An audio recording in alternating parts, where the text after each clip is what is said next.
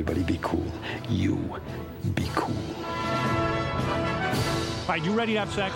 Use a good kiss. We come in peace. We come in peace. You are the motherfucking Antichrist! We're gonna let you go, okay? Ok. Film er best på radio. I'm gonna make him an offer he can't refuse. Nova Noir.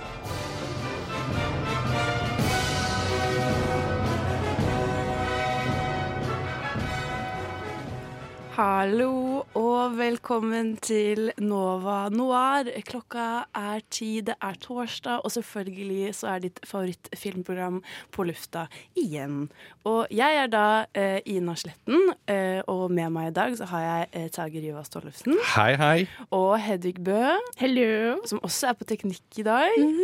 Veldig spennende. Vi skal ha, I dag så skal vi ha et slags eh, back to school-tema. Eh, For denne uken så er det nemlig premiere på David Copperfield. eh, En, bo, en film basert på en bok av eh, Charles Dickens.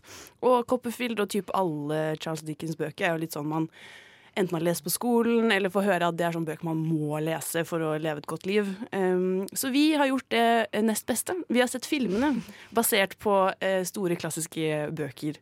Uh, for eksempel da vi skal snakke om Lord of the Flies. Eh, Moby Dick eh, og Of Mice and Men. Og i tillegg så skal jo Hedvig komme en liten anmeldelse av eh, David Copperfield. Men før vi begynner med det, så skal vi jo selvsagt snakke om hva vi har sett siden sist. Du lytter til Radio Nova. Så da kan jeg bare begynne å spørre deg, da, Tage. Det har vært en uh, uke med mye film for min del. For vi har hatt eh, dramaturgikurs på skolen, og da har vi sett én film hver dag. eh, som vi har liksom fletta teorien inn i og analysert i etterkant. Så jeg har sett både Billy Elliot, Fucking Aamodt og Roy Anderssons sanger fra andre etasje. Ganske grei blanding av Ja. filmer, det, da. Pluss de filmene jeg har sett til den sendinga her. Så det har gått ganske tett i tett denne uka her. Men jeg så, for å slappe av, for å si det sånn, så så jeg første episode av The Boys i går, som går på Amazon Prime. For å slappe av. Det er Ja. ganske wild uh, statement. Jeg trodde jeg skulle slappe av når jeg så det. Det er en serie hvor eh, superhelter er ekte. Det er liksom i vår verden um, så har blitt superhelter uh, Det er sånn privatisert. Altså, de fungerer som en slags sånn polititjeneste. Det er et slags firma som heter Våt. uh, som leier ut superhelter som en slags sånn polititjeneste til dyre dommer. Og så viser det seg i første episoden at uh, disse superheltene kanskje ikke er så good guys som man egentlig tror. Oh. Det jeg syns er veldig kult med The Boys, er jo nettopp at det er veldig realistisk sånn, avbildning av hva hadde skjedd da hvis folk plutselig fikk superkrefter. Jo, da hadde man jo kapitalisert på det, og man hadde lagd sånn drømmelag, og man hadde Ja, det er en veldig kul og veldig brutal serie. Veldig brutal, og det er det jeg liker, for jeg liker typ Deadpool og Logan, hvor det er superhelter med krefter, og så er det så blodig og gørrete som det burde bli. For at når noen er så sterke, så ser, altså er det mye mer realistisk at når de blir skada med superkreftene, så er det ikke bare sånn at de bare 'Å, jeg fløy vekk, og det gikk fint, jeg bare ble knocka ned'. Nei, nei, her blir du kasta 100 meter opp i lufta, og du lander på en bil, og du er liksom helt sammenskosja. Og så hva er sannsynligheten for at bare the good guys får superkrefter også? Mm. Jeg tror det er ja, kult å se åssen det Ja. foregår. Og jeg så bare første episode, øh, men jeg ble veldig hooked. Jeg tenkte sånn, det her var mye bedre enn jeg hadde forventa, faktisk. Og så kommer jo sesong to og er rett rundt hjørnet, i hvert fall. Så, og den skal for eksempel ta for seg litt det Hedvig snakker om nå. Hva skjer hvis slemmingene, har, Mm. eller fienden, da, har eh, superkrefter? Dun, dun, dun. Men har du sett på noe gørrete, brutale greier i det siste for å slappe av, eller Hedvig? Uh, hmm. Jeg følte det var sånn shot at me. Hallo? Følte du det, Tage? I wonder why. Nei, jeg har ikke det. Jeg har sett på Modern Family. Ja, for, no, har- for noen kan det være det òg. Ja, og jeg har, vel, jeg har veldig sånn at jeg får hangups på noen av disse her skal man kalle det sånn background-serier, kaller jeg det. Sånn som du bare kan ha på i bakgrunnen. Bare sånn no-brainer-serier, liksom. Og så falt jeg av Modern Family-toget for ganske lenge siden, sånn i sesong seks eller noe sånt noe. Og så tenkte jeg at det ligger kanskje syv sesonger ute. Åtte eller noe sånt. Så hørte jeg det kom liksom ny, og bare sånn å, syv-åtte sesonger som ligger ute. Da kan jeg se liksom en eller to sesonger, ta igjen det jeg har mista. Nei da, det ligger sånn ti sesonger ute. Jeg har bare sett halvparten. Så da begynte jeg å se på det, og nå har jeg fått skikkelig hekta på det. Jeg elsker Phil. Sånn som alle andre, føler jeg. Hvem av dem er Phil? Jeg har ikke sett. Faren. Ok. Det er en søte far som har eh, philosophy, for eksempel, med alle sine Mm, kloke ja, selvfølgelig. Mm. Jeg trodde det var en av de det homofile paret. Nei, det er Cameron og Mitch. Jeg var inne på hvor mye jeg har sett. Jeg har fått med at sånn, de, den, ja, sånn, Det har gått ti sesonger, ikke sant? Mm. Men jeg har fått med at de castet jo masse barn. Og det viser at flere av disse barna egentlig ikke er så veldig gode skuespillere Ja, jeg tror, jeg tror um, De har castet mange, og det er flere av de som ikke er sånn veldig gode. Jeg vet ikke om man skal peke på noe spesielt. jo da, men jeg, jeg syns ikke han som spiller Luke er så veldig god, men han har liksom vært med hele tiden, så det er på en måte greit. Du kjenner han igjen, og han har liksom blitt litt mer inn i rollen og sånn. Men eh, så fikk jo um, ja, jeg vet ikke om man skal si spoiler alert lenger når det er fem, fem sesonger siden, men eh, så fikk jo Gloria og Jay, som er eh, De fikk og et barn som heter Joe, og når han blir større, så Altså, kan han skuespill? I don't know. Jeg vet ikke om han bare tror at det er livet, liksom. Men eh, Lilly var jo veldig god da hun var liten, og hun blir jo bare bedre og bedre. Men så kommer Joe igjen, og så er det bare sånn This is how wrong it can go. Syns jeg, da. Men jeg har ikke sett alle sesongene, så det kan hende han blir bedre. Kanskje, kanskje. Mm. Hva har du sett, Aina? Uh, jeg har jo, som hele Norge, uh, så jeg Tennet på søndag Mm. med mine, min familie. Um, og jeg er mm, ikke veldig imponert, rett og slett. Eller sånn Jeg føler at når man har sett Inception, eller bare Interstellar, og du vet at Christian Nolan klarer både skape kule karakterer og fortelle om et kult konsept, så burde det ikke være så vanskelig å få det til i Tenet òg.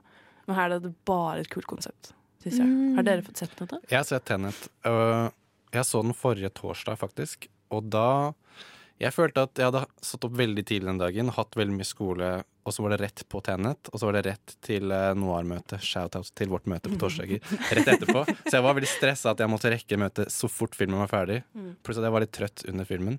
Og det her er en film hvor det skjer veldig mye, hopper fra sted til sted. Og det var flere ganger i filmen jeg er sånn OK, hvorfor er vi egentlig i India nå? Og så hva er det, denne, hva er det heistet her med den, et eller annet maleri? Er egentlig, hvorfor, hvorfor gjør vi det egentlig? Så det var utrolig mye sånne plottpunkt som jeg følte jeg mista. Og så tenkte jeg sånn, er det fordi jeg er trøtt og sliten, eller er det fordi at ting bare ikke blir liksom satt opp ordentlig? Så jeg også er litt sånn der Jeg, må se, jeg skal se den på nytt nå på søndag, fordi jeg følte jeg må gi den en sjanse til. For det er Nolan, tross alt. Jeg, har, eh, jeg har ikke fått sett den, og jeg er veldig sånn Skal jeg bruke penger på det? For at jeg vet Jo, at jeg, Ja, ikke, men jeg vet at jeg ikke kommer til å skjønne den. Jeg kommer til å sitte sånn bare at jeg er opplagt, og jeg er ikke stressa, og likevel så kommer jeg til å sitte sånn I don't, I don't. What's going on? Men selv om sånn, ok greit, karakteren var ikke sånn det beste, men sånn, det er så mange kule scener. Sånn, det er den, den siste seansen i den uh, filmen her er helt sjuk. Du blir ekstremt Ja. imponert. Og det er altså, det som vi snakket om på forrige sending, da hadde vi jo Christopher Nolan-tema. Han er så utrolig praktisk anlagt på sånn, han bare gjør alt selv, og det payer off så sykt. Uh, så sånn sett, du må se den på kino. Det er Ja. ikke noe valg. Nei, det er ikke noe vits å se den når den kommer ut, tenker jeg. At den kommer til å være sånn. I hvert fall hvis man ikke skjønner, så om man går liksom for opplevelsen, så er det jo verdt å se den på kino, da. Så kanskje jeg også må gå og se den på søndag. Men eh, den er jo filmet delvis i eh, Oslo. Og det er også en annen, eh, en annen storkar Da, da, da. som har vært litt uh, ute og fartet i Norge i det siste, nemlig Tom, Tom Cruise. Tom Cruise. Uh, og han skal vi snakke litt mer om straks, men før det så skal du få høre Greta med sangen 'Again'. Du hører på Nova Noir. Do you think you are, anyway? Answer me, or I destroy you. Og da er vi tilbake, og vi skal snakke mer om eh, filmstjernen Tom Cruise, som har vært innom Norge. Er han her fortsatt? Jeg tror det. Det kommer stadig vekk flere nyhetsartikler eh, om han. For det er det jeg syns er imponerende. At sånn, Hvor mye kan man melke det at Tom Cruise er i, i Norge? Det syns jeg er spennende å følge med på. Jeg tror det siste var eh, 'Her hopper han i fallskjerm', eller noe sånt. Det, er sånn, det er jo utrolig alle Og det er ikke bare lokalavisene som har det, det er jo på nrk.no også, liksom. Jeg har en sak her fra VG, eh, oppdatert i dag ni, eh, klokken 5.09. Så tidlig oppe. Eh, Hollywood-stjernen Tom Cruise, 58, tilbringer hektiske dager på Sunnmøre. Onsdag ble norske fans, norske fans invitert til et møte midt imellom stjernens mange fallskjermhopp. Ikke sant. Og jeg har sett eh, her kjører eh, Tom Cruise eh, motorsykkel på Sunnmøre. Her er det Og så er det sånn intervju, så sånn intervju med sånn tolvåring som er sånn Ja, han var jo veldig hyggelig, da. Og prata med oss, og det var koselig. Så jeg stemte Selvfølgelig gjør han det. Ja. Jeg husker når Scarlett Johansson var i Norge og spilte film, så var det sånn Her er Scarlett Johansson på Joker! Det er alltid sånn, og jeg lurer sånn på Ja, eller Why? Altså, holder det ikke med én sånn 'nå er han i Norge'? Og jeg syns det er kulere når de dukker opp folk som faktisk på Instagram eller noe sånt, som liksom har selfie-medie eller noe sånt, enn avisartikler som forteller meg hver gang han Altså omtrent hver gang han er på toalettet, liksom. Men er det kanskje de forventer litt at det skal bli en slags Justin Bieber-effekt? At nå Ja. drar alle opp til Sunnmøre for det må jo være et Tom? slags håp om å tiltrekke turisme, da. I don't know. Jeg skjønner ikke gleden. Men som vi snakket jo om, er Tenet har jo um, blitt, har filmet i Oslo og er på Operahuset og, der, og på Gardermoen. Um, og der sier de vel eksplisitt i filmen også at her er, nå er vi i Oslo.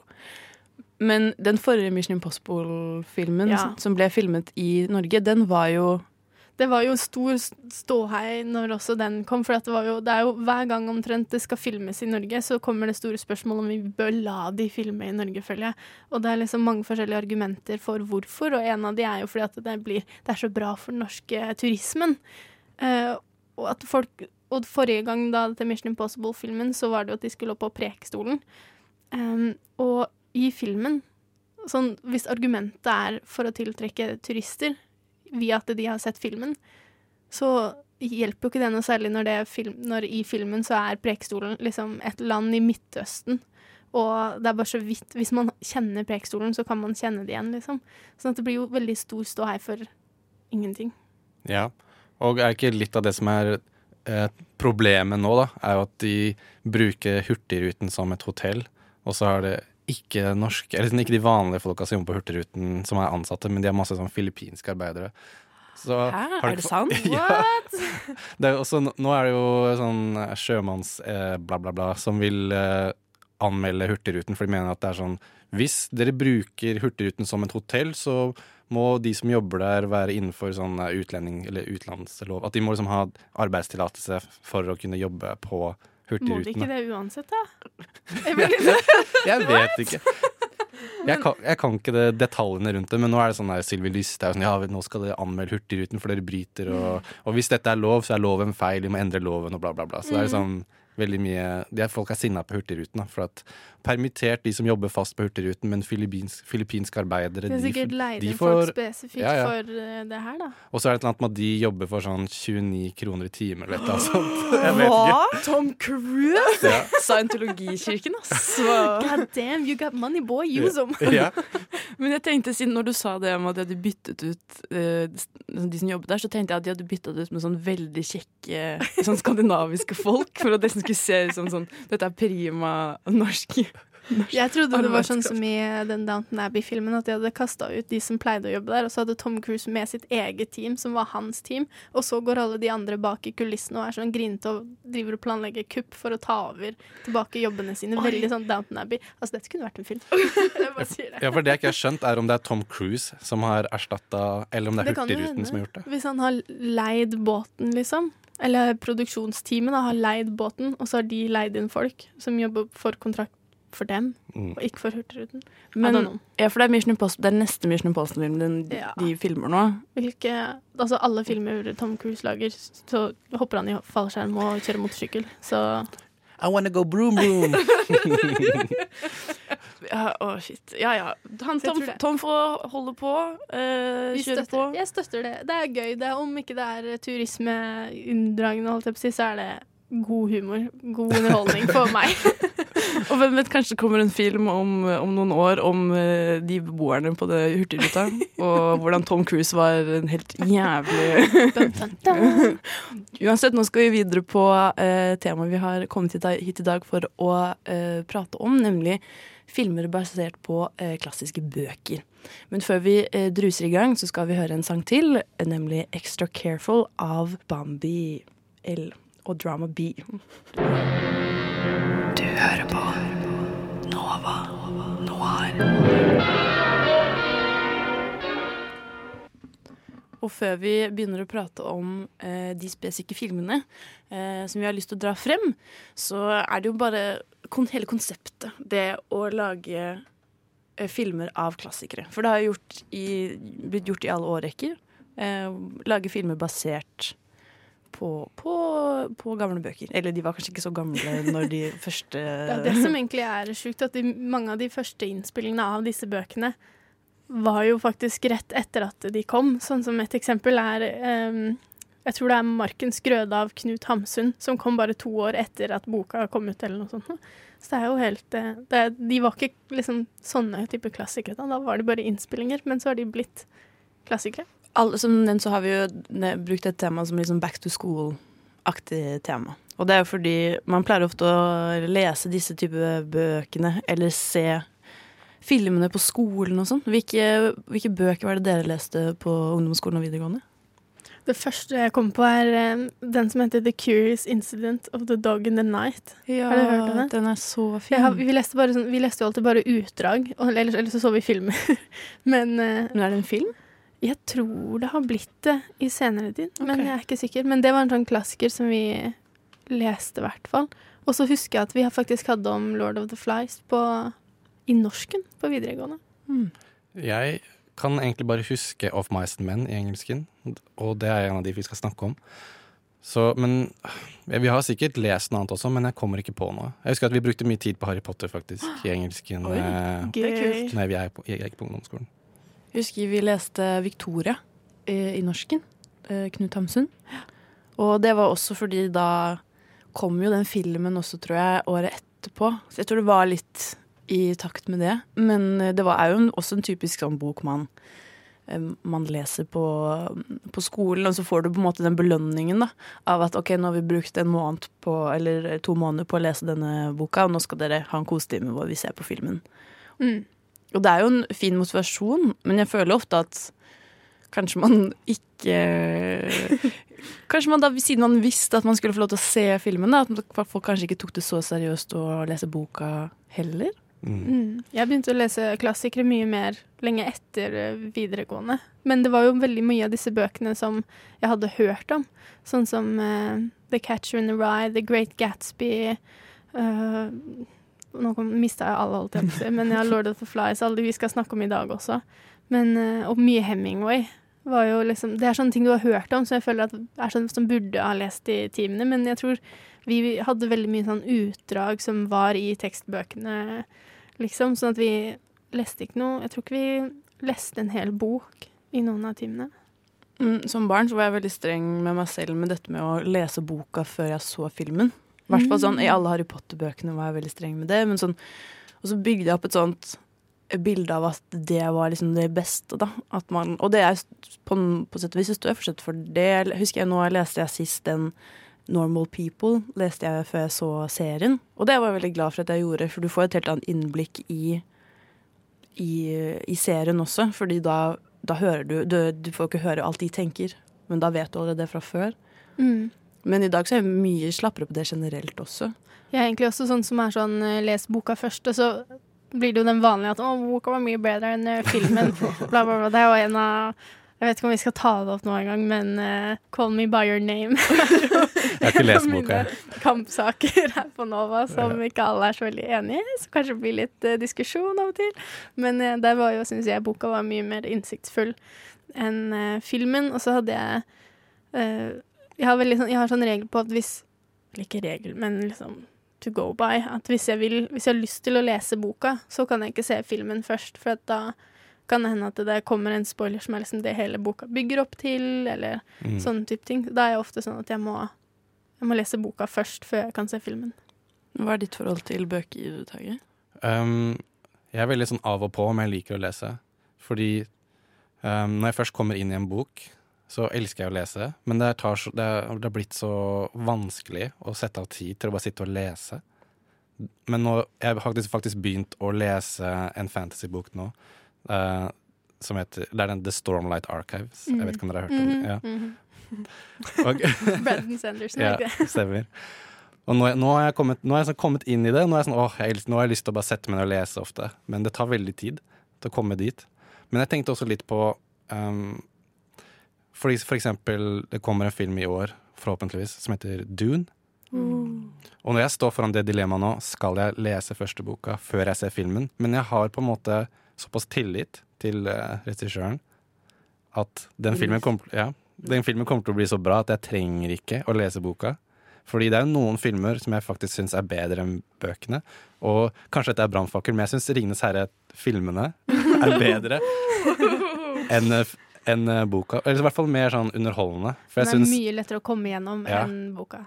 og i spesielt Ringens herre så er det så mye tid bare til å beskrive land, sånn, hvordan ting ser ut og sånne ting, og det syns jeg ikke er så Jeg jeg syns ikke det er så spennende å lese et kapittel om hvordan en skog ser ut, for eksempel. Ja, det er sant. Jeg har prøvd å høre Dune på lydbok i sommer. Og jeg har hørt Det er kanskje 20 timer eller noe, og jeg har hørt 15 timer. Og halvveis inn så var jeg sånn Jeg skjønner ingenting. Og så, at jeg hadde kommet halvveis, Og så var jeg sånn Å ja! OK, men nå Nå skjønner jeg hva som skjer her. Og så skjønte jeg ingenting lenger. så det var sånn Det, det er en rollercoaster der. Bare sånn jeg, Hva? Nei. Oh, OK. Så jeg Men det er også derfor jeg tenker sånn at jeg, jeg har lyst, Og boka er jo også, liksom, i hvert fall så vidt jeg har hørt, liksom, den første fancy, eller den beste fancy boka du noen gang kommer til å lese. eller noe sånt. Nå, jeg liker jo å lese fancy, så jeg er sånn Og også bare å ha den på my track record. Jeg er litt sånn som liker å bare si at jeg har lest. Eh, og faktisk har lest, da. Ikke bare si det om ikke har lest. Men å lese den sånn at du liksom kan vite at den, den har jeg lest. liksom. Kult å ha lest den. Men sånn som Dune er jo eh, Dette er vel tredje forsøk på å filmatisere den. Og det er også en tendens med mange klassikere at de eh, blir spilt inn på nytt og på nytt og på nytt av forskjellige folk gjennom, gjennom tiårene. Mm. Og hvorfor det, egentlig? Det skal vi egentlig prate litt mer om straks. Men aller først skal du høre 'Pizza Guy' av Touch Sensitive. Du Du Du hø hø hører På- på Radio Nova. Og i fjor så kom uh, Little Women og var nominert Eller var den fjerde innspillingen av eh, boka Little Women. De filmene vi skal snakke om senere, er også sånn tredje eller andre adopsjon av, eh, av bøkene sine.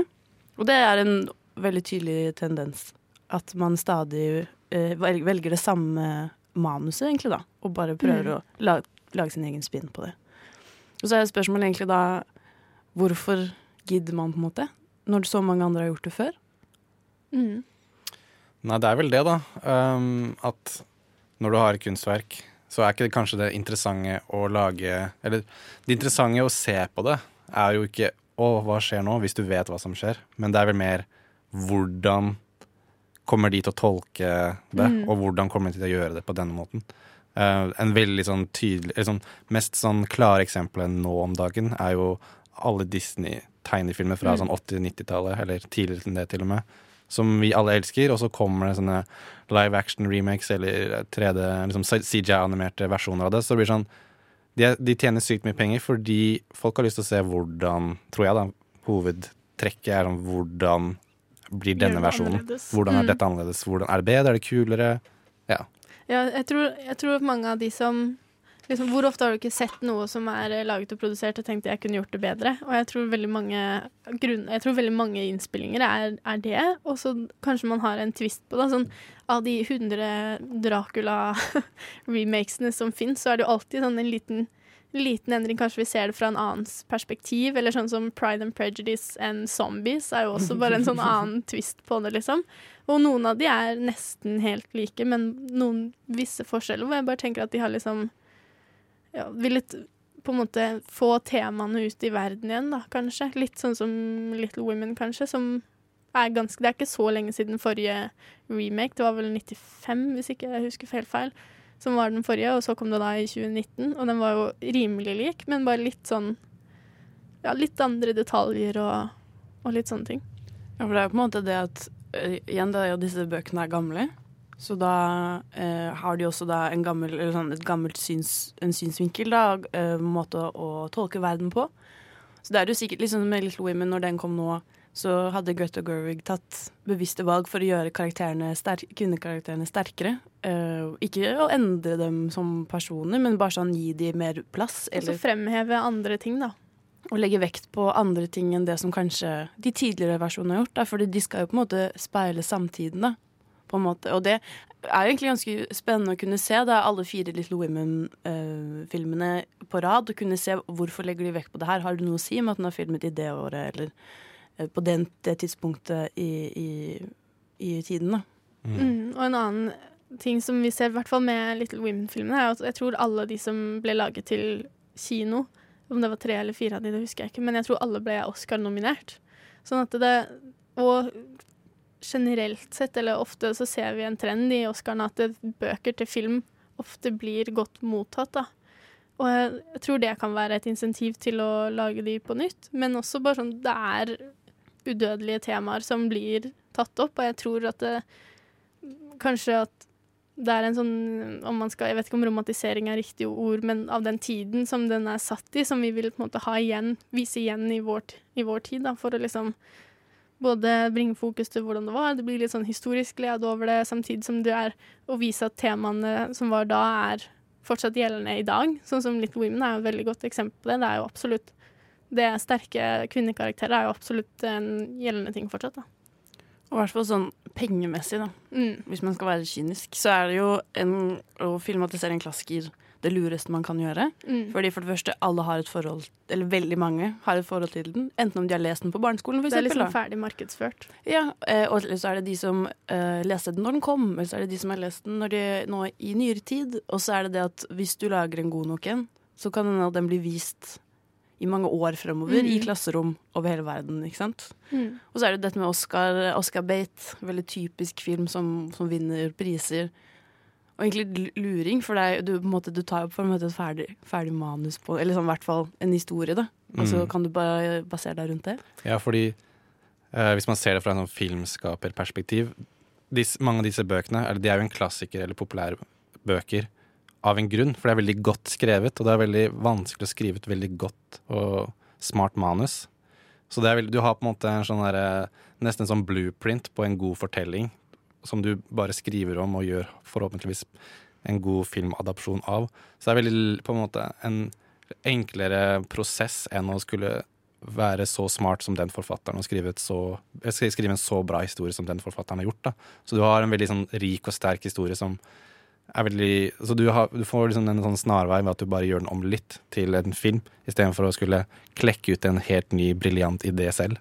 Samtidig så ser vi også nå at eh, en ny litt sånn trend er at man tar de gamle klassikerne og så pimper de opp litt. Gjør de litt eh, mer morsomme. Sånn som jeg tror tidligere i år så kom også filmen 'Emma', som er eh, en av Bronte-søstrenes eh, bok. Også veldig sånn like ja, mye klassiker som 'Weathering Heights' og 'Jane Eyre' og den type bøker, liksom. Men med da en morsom innfallsvinkel, hvor det liksom er man gjør humor ut av de gamle romantiske klassikerne, som jeg syns er egentlig ganske gøy. De gjør det liksom enda mer ja, tiltrekkende for eh, vårt publikum. Da. Ja, jeg tenkte, når du snakker om det, så tenker jeg på The Great Gatsby med DiCaprio. At der har du jo Altså, jeg har ikke sett Jeg har ikke lest den boken. Eller jeg prøvde en gang, faktisk. Men, På skolen? Nei, eh, eh, privat, holdt jeg på å si. På eget inch. Men så var jeg litt sånn ah, Det her var liksom ikke det Ok, Den var liksom ikke så spennende som jeg så for meg. Og jeg kan se for meg Jeg har ikke sett den første filmadopsjonen av den heller, men det er mye Du får på en måte satt deg inn i hovedpoenget med boka i den nye filmen, men så har de sånn spisa det opp litt og gjort det litt mer tilgjengelig ved å ha kul musikk og gjøre det litt mer Virkemidler som vi kjenner igjen Ja. mer, da, kanskje. gjøre det litt mer sånn eh, nåværende, litt mer moderne. Så jeg syns det ofte er en bra måte å gjøre sånne fra klassisk bok til filmadopsjon på. Sånn som også denne Romeo og Julie fra 98, eller hva det er for noe, også med DiCaprio. At de har liksom tatt den settingen som var Shakespeare, til liksom mafia, to sånn rivaling families og sånne type ting. Og det syns også jeg er sånn Jeg tror jeg personlig foretrekker ofte at de gjør en sånn spinn på det. At det ikke er sånn bokstavelig filmadopsjon. skjønner jeg mener? At det ikke nødvendigvis må være i den settingen som boka er skrevet i, men at de kan gjøre noe nytt med det. Men jeg er også blitt veldig fan av eh, innså jeg på et tidspunkt, veldig fan av de periodedramaene som det ofte blir, da, av de klassiske bøkene, sånn som da Sense and Sensibility, Pride and Prejudice. Og jeg tror det er noe med de her, mye av de klassiske bøkene, i hvert fall av de som da var contemporary på den tiden, um, hva heter det, samtidsnoveller, eller romaner, på den tiden, som de er skrevet i. Og så har de veldig ofte sånne veldig sånn flamboyant folk selv i en stille tid, i en veldig sånn grå tid og sånne ting. Og jeg tror veldig mye kjærlighet, veldig mye store følelser. Og jeg tror det liksom oversettes veldig godt til film. Og jeg tror det er også noe av gleden med å, å lage de, er liksom å ta de følelsene og, og ja, emosjonene som du har i boka, og så sette det liksom på film, som kanskje er enda mer, for mange, liksom enda mer sånn sterk opplevelse. Jeg i hvert fall kan rives skikkelig med av de her som egentlig er kanskje ganske trege bøker, eller det går ganske sakte av og til, og det gjør også filmen av og til, men likevel så får du disse her sterke Det er ofte preget av sterke karakterer, og, liksom, og gode skuespillere, og gode skuespillerprestasjoner, og det liksom sitter veldig godt hos meg, da. Det liker jeg, det treffer veldig godt. Jeg tenker at vi bare skal hoppe videre til uh, den første filmen, uh, 'Lord of the Flies', uh, fra 1963. Men først så skal du høre 'Fuckface' av Derin. Og vi skal over på vår første film for i dag. som nevnt 'Lord of the Flies'. Den handler om en gruppe med tenåringsgutter som blir strandet på en øde øy. Og sammen må de finne ut hvordan de skal overleve, de skal, de skal, hvilken taktikk de skal gjøre for å ja, holde ut lengst mulig på denne øya. Brilliant, exciting motion picture. Lord of the Flies. Piggy, huh? That was murder. You stop it. What good are you doing talking like that? It was dark. There was that bloody dance. There was thunder and lightning and rain. We were scared. It wasn't what you said. Oh, Piggy! Piggy! Og som, om det er noen andre som får den assosiasjonen så, og har sett Jojo Rabbit, så høres han Piggy veldig ut som uh, han med bestekompisen. Ja. og det ser det også veldig ut som han. Sånn, jeg tror, han. jeg tror, det er han som er i første scene av uh, Lord of the Flies. Og det første jeg tenkte, var Jojo Rabbit. For Piggy er nemlig da bestevenn uh, til hovedpersonen. Eller en slags bestevenn, da, det kan man jo diskutere. Men ja, Lord of Flies er da fra 1963 og regissert av Peter Brook. Men den er basert på boka av William Golding som kom i 1954. Så dette er da ti år etter boka kom.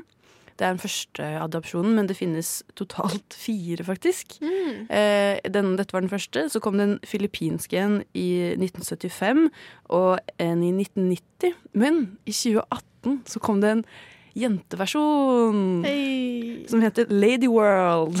Okay. Den har sånn tre på IMDb. og den handler om en, ja, en gruppe jenter som er på en bursdagsfest, og så bare er det en ulykke, så de blir stengt inne i bygget. Mm -hmm. Og så sulter de, og akkurat sånn basically det samme. da. Men det er det. Eh, disse guttene blir strandet på en øy, eh, og du må da prøve å finne ut hvem er det som skal være leder, for det første? De, hvordan, hvilken taktikk skal de gå for for å bli redda? De begynner f.eks. med å uh, bygge et bål på toppen av en klippe. For at sånn at Hvis det skulle komme et nytt fly forbi eller en båt, så hadde de sett dem. Men så må de jo ha mat, f.eks. Og så er det jo på en måte det, hva om det bare aldri kommer noen? Da? Skal vi, burde vi kanskje forberede oss på det i stedet? Mm. Og det som er veldig kult med den, er at den tar opp nettopp denne sånn gruppedynamikken og makt, eh, maktkamp og det å ville være et individ i, mm. i en sivilisasjon. Og hvordan eh, Når liksom left to yourself, holdt jeg på å si, etterlatt på egen hånd, så eh, virker det jo ikke som det skal så veldig mye til før man faller for eh, sine bestialske sider, og liksom tilbake til det primitive. Det er det han Jack er han som blir på en måte lederen for den. Det er jo Først så samler de seg i en stor gruppe, for så litt senere, etter litt uh, disputt, så deler de seg, og han Jack blir da fort lederen for den utbrytergruppen, hvis vi skal kalle det det. De som på en måte blir mest sånn bestialske til slutt, mens uh, Ralph er han gode, snille som prøver å være en litt mer sånn uh, demokratisk leder og veldig sånn godhjerta. Ja, for de starter jo med å ha være veldig enige om at vi trenger, vi trenger regler og vi trenger et system og vi trenger å organisere oss. Så de har et veldig sånn demokratisk valg i starten. Hvem er det som vil at jeg skal være chief? Og så er håndsopprekning. Og så hvem er det som skal vil at Jack skal være chief? Så er det bare den korgjengen til Jack som, jo som rekker opp hånda. Og må fortsatt nevne for de som har sett filmen, så er det veldig sånn De yngre guttene som Jack eh, har samlet, de er, de er liksom Jeg vet ikke hvor gammel jeg er, kanskje sånn ti og ned, men så ser du plutselig i det fjerne en sånn gjeng med sånn litt sånn Gestapo-tropp Ja, med korgutter som har sånn fancy-pansy outfit. Kommer og marsjerende og De synger. har korkapper på Ja, seg. ja. Som kommer Korkapper. Ja. Som kommer og synger Kyrie eleison nede ved stranda. Ja. Men men de blir jo fort jegerne, da. Så, Som jeg syns er veldig gøy. Ja, så det blir jo sånn jegere, liksom de som er de kraftige og mektige og kan speed og sånne ting, og så er det de andre som er mer sånn samlere og uh, liksom fredelige gutter, da. Så det blir den derre kontrasten der. Mm, den kontrasten blir jo påpekt ganske tidlig, da. Og den er den konkylien som de går rundt og bærer på. Litt sånn Eh. Ja, Mm. kjempestor sånn du kan høre av i. Mm. Eh, og den skal liksom være Hvis du holder den, da, da har du lov til å prate. Så den blir jo på en måte Det begynner med dette, at de sånn sender den rundt og får lov til å si det de vil, og sånn, og så blir denne konkurren bare mindre og mindre viktig. Og den blir sånn fordømt av denne jegergruppa også, fordi man burde ikke ha, trenge den for å si det og man hvem har bestemt Da. at eh, den bestemmer hvem som er sjef, og hvem som får prate. Og det er veldig sånn det er veldig mye Det er jo egentlig ganske sånn komplekse temaer som tas opp, og som i Og jeg tror det kommer fra, fra romanen sin side, av William Golding, som har skrevet en veldig sånn veldig komplekse makttemaer, som egentlig er ganske sånn voksne temaer, og så satt da i en gruppe med unggutter. Jeg tror at det er det som gjør den så intens. Og når jeg så den, så den, For er, den er ganske brutal på sitt vis. Altså, sånn, for det første så er det jo disse guttene som, som krangler og sånn, men på, det er en scene for eksempel, hvor de har drept en gris, og så sitter alle og liksom bare river den i, i stykker og spiser den. Eh, og det er, du får liksom sånn vondt i kroppen av å se på det, for du vet at dette er de begynner jo med å være veldig sånn søte sånn bygutter som ikke helt vet hva de driver med. Mm. Og så bare ser du at de sakte, men sikkert bare blir villere og villere. Og jeg tror det er, sånn, det er som du sier da, det er jo egentlig veldig sånn I seg selv så er jo ikke Lord of the Flies veldig sånn vanskelig å forstå. Du skjønner jo på en måte hva metaforene er metaforer for. Men for, nettopp fordi de er plassert i, i barn, så blir det mye Dypere. hardere, på en måte.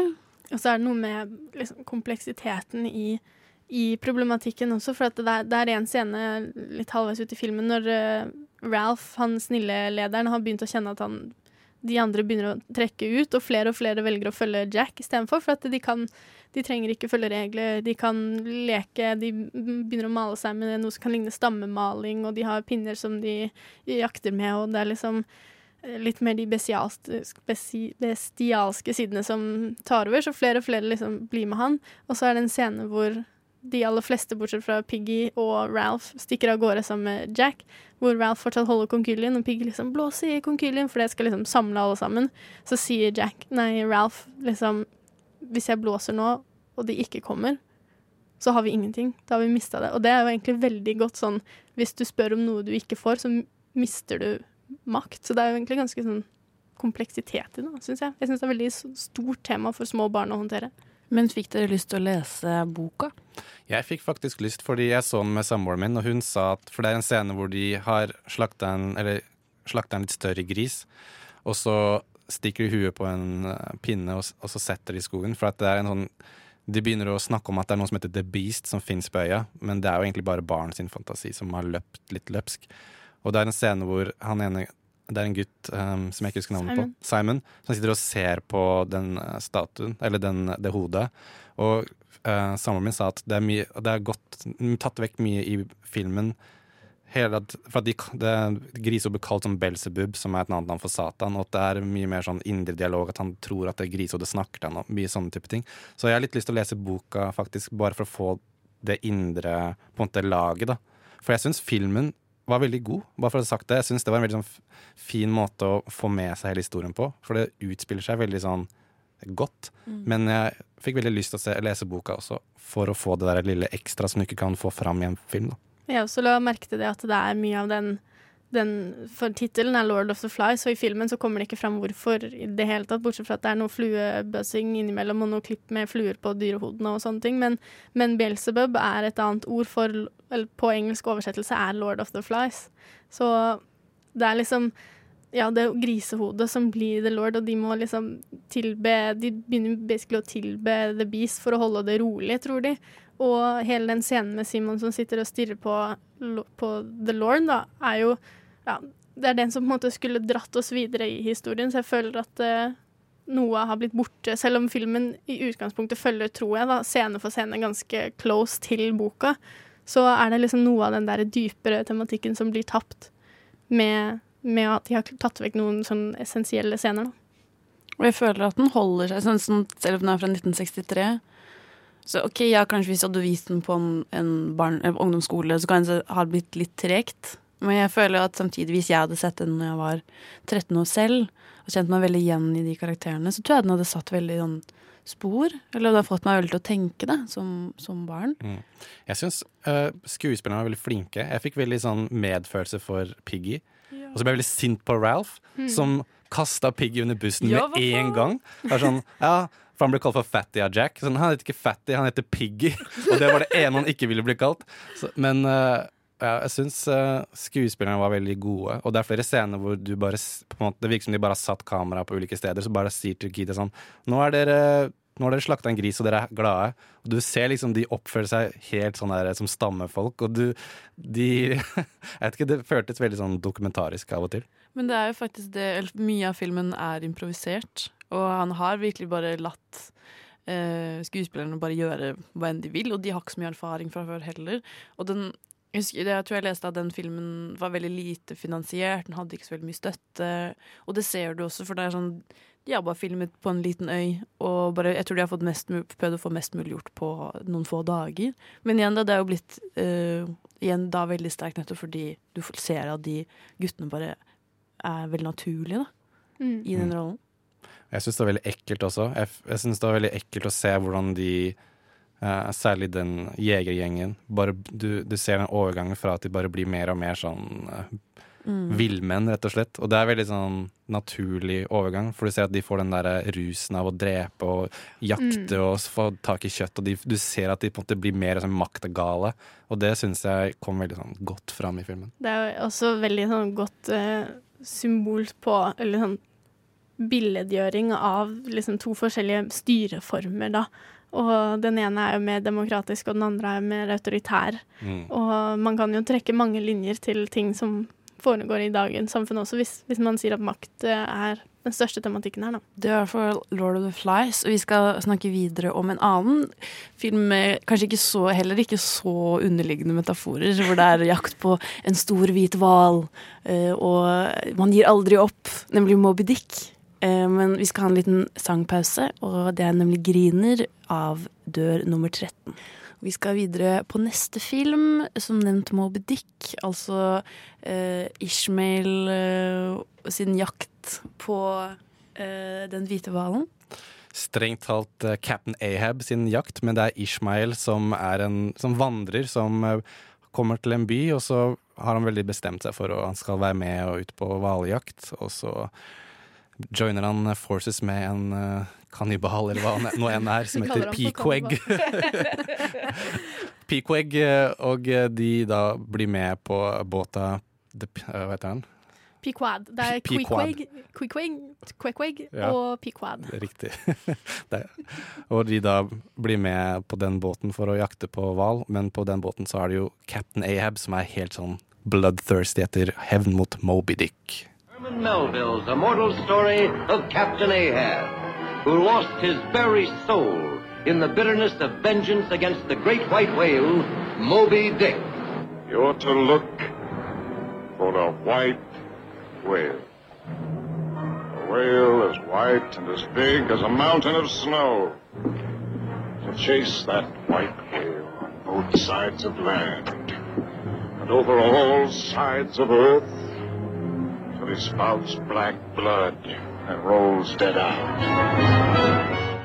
Det var altså traileren til Moby Dick. Og én ting eh, sånn kjapt. Jeg merker når jeg ser eldre filmer, så har du sånn klassisk sånn filmscore, sånn, sånn symfoni som er med på musikken. Og det er bare et eller annet sånn supernostalgisk for meg med sånn gammeldags filmmusikk. Enig. Sånn trompeter? Ja, sånn trompeter og alt liksom det Helt orkester nesten av og til. du bare merker det. Sånn, det bare løfter filmen. Og så er det ofte sånn når det er sånne følelsesmessige sånne øyeblikk, at de blir forsterket med sånn du-du-du, altså musikken i bakgrunnen. og de liksom, det er også, jeg føler at det er, I hvert fall i denne filmen så er det liksom enten fullt orkester og liksom dun, dun, Eller så er det helt stille og bare ansikt og bare tale, liksom. Og det, jeg syns jeg synes det er veldig virkningsfullt. Ja. Men eh, litt om filmen, altså regissert av John Huston, som har også regissert ting som eksempel The Treasure of Sierra Madre, Annie fra 1982 og uh, The Bible, så er en The Bible, det The Movie. Bibelen? Nei, han har også regissert filmen. Dette er Den vi skulle pratet om i dag. Er det en klassiker? Eller The Classic, kanskje? Men også en skuespiller. Jeg vet ikke om dere har sett Chinatown fra 70-tallet med Jack Nicholson. Han eh, spiller en sånn korrupt skurk i den filmen. Så det er en fyr som er litt sånn Clint Eastwood-type. Han har spilt i mer enn han har regissert, men han har regissert veldig mye. Så han har liksom gjort begge deler ganske mye. Gregory Eh, Peck? Nei, Nei, det er sku- regissøren oh, ja. um, John Houston. Mm. Og eh, i, blant skuespillerne så har vi da Gregory Peck, som eh, spiller Captain Ahab. Og eh, en som heter Richard Basehart, som egentlig ikke er noe sånn særlig kjent. Eller han ble ikke noe sånn særlig kjent i etterkant, så spiller da Ishmael. Eller jeg lurer på, Ina, for at hva tenkte du, eller hva, liksom, hva kan du om Moby Dick, holdt jeg på å si? For jeg føler det er sånn film, eller en historie alle vet noe om, men kanskje ikke nøyaktig hva det er om. Jeg føler jo på en måte at den er en, sånn- nesten en sånn popkulturelt eh, som alle kan, og som nevnes overalt. Sånn bare Jeg driver og spiller The Last of Us 1 akkurat nå, for å kunne spille toeren. Og da gikk jeg Da er det en, en, en del hvor man går rundt på en strand og kommer seg inn på en fabrikk, og da finner man hele tiden eh, sånne notater fra en som heter Ish, og som Mhm. forteller om en båtferd og om eh, sitt forhold til det mannskapet. Og det blir veldig åpenbart da, at dette er jo veldig basert på Moby Dick. Og ja, at du er sånn, Ish er jo Ishmael. Mm. Um, og det føler jeg egentlig bare oppsummerer veldig sånn bra hva Moby Dick er i, blir sett på som. Det er, det er utrolig sånn stor, anerkjent greie. Samtidig som jeg ikke føler at det er så mange som faktisk har lest bøkene heller. Nei, og det jeg hadde hørt om Moby Dick, eller når jeg liksom satt meg og tenkte på hva vet jeg egentlig om Moby Dick, for mange av de andre bøkene kan jeg ganske sånn historien på, mye av det, mens Moby Dick er bare sånn Det er en stor hvit hval, eh, og den angriper folk. Det var det jeg visste. Og så visste jeg jo noen av navnene, Captain Ahab og sånne ting, og at de skulle ut og ta den, men man vet liksom ikke Og det er jo en er jo en svær bok, så du tenker jo at eh, her er det mye handling. det er det ikke nødvendigvis, da, tydeligvis. Eller det er i hvert fall veldig lite av det man plukker ut på forhånd. Og den er jo, som du sier, såpass liksom kjent og anerkjent at eh, jeg hadde engelsk på universitetet en periode, og hadde da amerikansk litteratur. Den er skrevet av Herman Melville, men læreren vår var sånn Vi skal ikke se på den. Den er for stor, så vi må se på en av de andre små greiene han har skrevet. Og det syns jeg også liksom oppsummerer litt hvor liksom, Det er bare sånn alle, alle kan Moby Dick, alle vet om Moby Dick, så vi gidder ikke å se nærmere på den, liksom. Men tror du det er mest en amerikansk greie?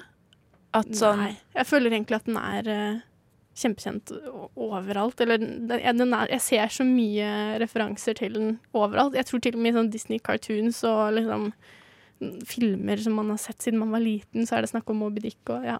Ja, jeg vil kanskje påstå av de tre filmene vi skal snakke om i dag, så er kanskje den her den aller mest kjente sånn alle, Hvis du sier sånn Moby Dick, alle har hørt Moby Dick og sånn Ja, det er en fyr som jakter på en hval. Alle vet liksom i hvert Mm. basic hva det egentlig handler om. Men eh, det som kanskje overrasket meg mest med filmen For det, jeg vil bare si kjapt at dette er også en bok jeg tenkte Har jeg egentlig lyst til å lese den her, men du Det er bare et eller annet med Den føles liksom så uoverkommelig som bok å sette seg inn i. Så jeg eh, satte egentlig litt pris på at vi skulle Nå hadde jeg en anledning til å se Mm. filmen, så jeg i hvert fall kunne sette meg inn i hva historien er sånn roughly, da. Men eh, det starter jo med Ishmael, som er en sånn vandrende type. Og så Det som jeg syns er litt interessant, er at han på en måte forsvinner litt etter hvert som filmen eh, går, og det tror jeg også skjer i boka, slik jeg har skjønt. Det som slo meg litt når jeg så filmen, var at jeg tror mye av det, den indre dialogen og sånne ting, som er i boka, beskrivelsen av hvordan det er å være på den, sjø, den sjøen, har liksom forsvinnet litt. Og så har det tatt mer plass den der hva skal man hadde den hvalfangsten og den action. De prøvde å gjort litt mer sånn spenning og action rundt det, da. Som noen ganger funka, men som eh, også ikke funka for min del. Jeg synes det var jeg, synes, jeg tror du har veldig rett i at det er mye av den indre dialogen som blir borte. Og jeg ment, føler at det, det er som Captain Ahab, og det å liksom ordentlig forankre at temaet i filmen er hevn. Det er det faren med å la seg fange av hevnønsket, liksom. Og Captain Ahab blir jo på en måte eh, Han har jo vært borti denne hvalen før, og han har lange taler om hvordan vi skal få tatt denne hevnen. Og det er, det er nesten en sånn gudelig ting, guddommelig ting for han å få tatt denne, denne hvalen. Det er hans liksom plass i livet. Og jeg tror det har fått veldig mye plass i filmen for å liksom ordentlig forankre grunnen til at de gjør det her. Da. Sånn at jeg tror det er veldig rett i at noe av det der skipslivet har blitt, eh, har blitt borte. Men jeg syns jo likevel at det er, det er så mange sterke, gode karakterer som jeg syns er veldig festlige i eh, filmen. Og så syns jeg jo at alle gjør en veldig, veldig god jobb med de karakterene de har fått. Og for meg så ble Captain Ayeb sånn Jeg syns han var en skikkelig sterk, sterk eh, figur. Jeg likte det veldig godt hvordan det gikk, og hvordan de hadde fått inn action. Og selv om du kan se at det er litt gammel type action, og kanskje ikke alle hvalene er helt ekte i, i eh, filmatiseringen, men jeg, ja, jeg likte det. Jeg likte det. Det jeg tror også hvorfor den resonnerer med så mange, da, er jo fordi målet til kapteinen er, er jo metaforisk, da. Det er jo noe alle kan kjenne seg igjen i. Det ønsket om å, det ene målet i livet, enten om å få den beste jobben eller ja, få det ideelle livet, da. Det er jo noe man jakter på, spesielt da, øh, hvis man kan vinkle det mot USA. Spesielt veldig for, for deres for, uh, idealer. Så er det Mm. veldig sånn lignende den evige kampen, og at du nesten blir blind da, på, på å, å nå det målet. Og så er det jo han Jeg tror også at noe av eh, målet med boka, eller noe du skal liksom ta med deg videre, er jo det der å ikke ofre andre i din jakt på å oppnå det du vil, og i hvert fall ikke når det er en sånn type ting. Og liksom å reflektere over hvorfor gjør jeg det jeg gjør, og, og hvorfor skal jeg ha med alle på dette? Fordi alle disse mennene er jo Det er jo masse Det er jo sikkert ja, jeg, vet ikke hvor mange Jeg ble sånn mellom 20 og 50 stykker eller noe sånt noe, som er med på dette på dette skipet, som er jo bare der for å gjøre en jobb og for å tjene penger til livets opphold, men som på en måte blir dratt med i hans eh, feud mot uh, Moby Dick. Men så ser vi jo til slutt også at de faktisk Han gjør jo en såpass god Han er en såpass sterk karakter og såpass ledertype at til slutt så blir jo alle med i drømmen hans og i målet hans, da. Mm. Men ehm, en ting som er litt interessant, for jeg så litt sånn hvordan film ble mottatt når den kom ut på, i 1956. Og han som spiller Captain Ahab, eh, George Peck, eh, Gregory Peck, um, han var en skuespiller som var veldig sånn Spilte gode roller uh, som good guy i mange filmer. Så det ble kanskje folk litt farget av når de så den uh, på den tiden, men det blir jo ikke vi farget av nå, som egentlig ikke kjenner han kanskje så godt. Men jeg syns at de scenene med han, hvor han på en måte liksom forteller hvor Han liksom hyper opp crewet sitt, for å si det på dårlig norsk. Er sånn, eh, hvor, sånn, han har en sånn sånn golden sånn gullmynt som han liksom spikrer på båten. Den første som ser hvalen, den får denne her, liksom. Og det Jeg syns alle scenene med Gregory Peck var utrolig gode. Han hadde sånn Mm, flere sånne s- eh, lengre monologer. Og han også um, flere scener med uh, hans liksom nestkommanderende Starbuck. Mm.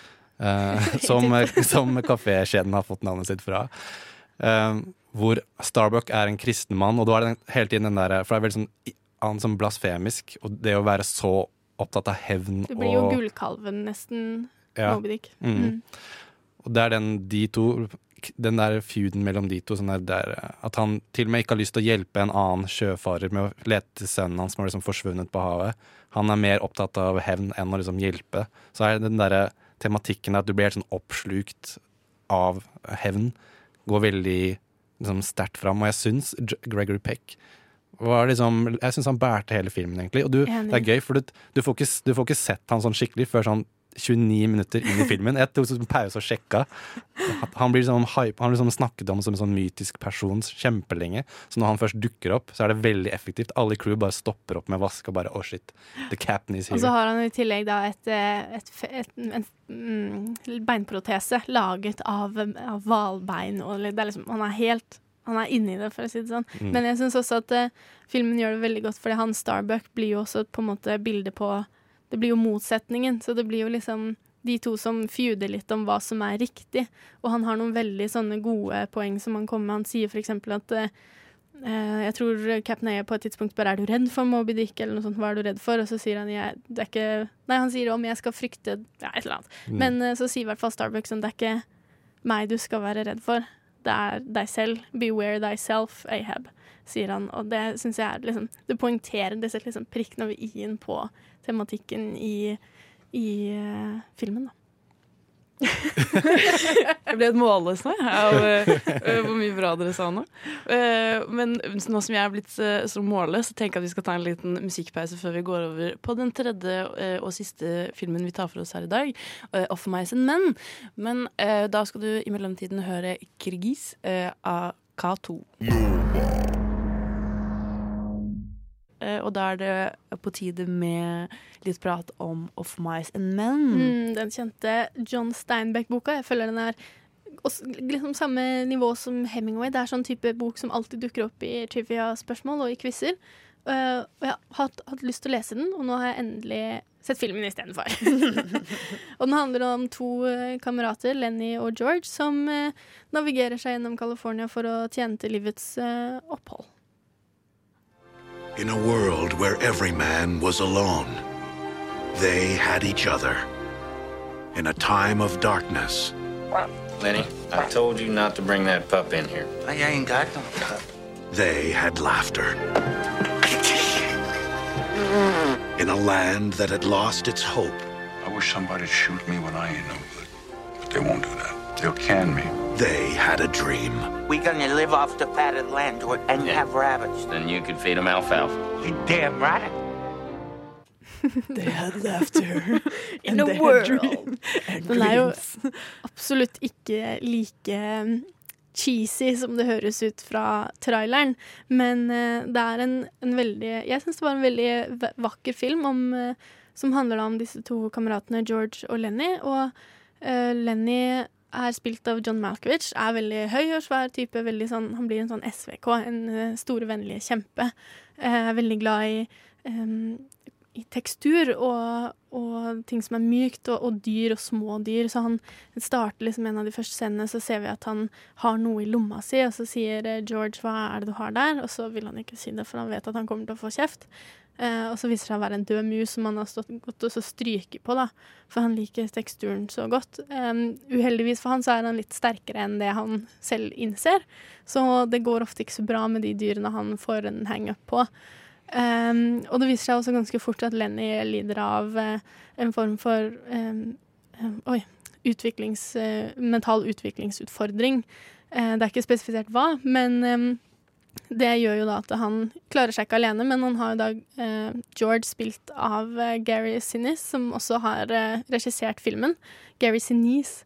Um, og vi liksom følger de De blir jo da starter med at de blir jagd vekk fra én gård, som vi lærer senere om hvorfor det skjedde.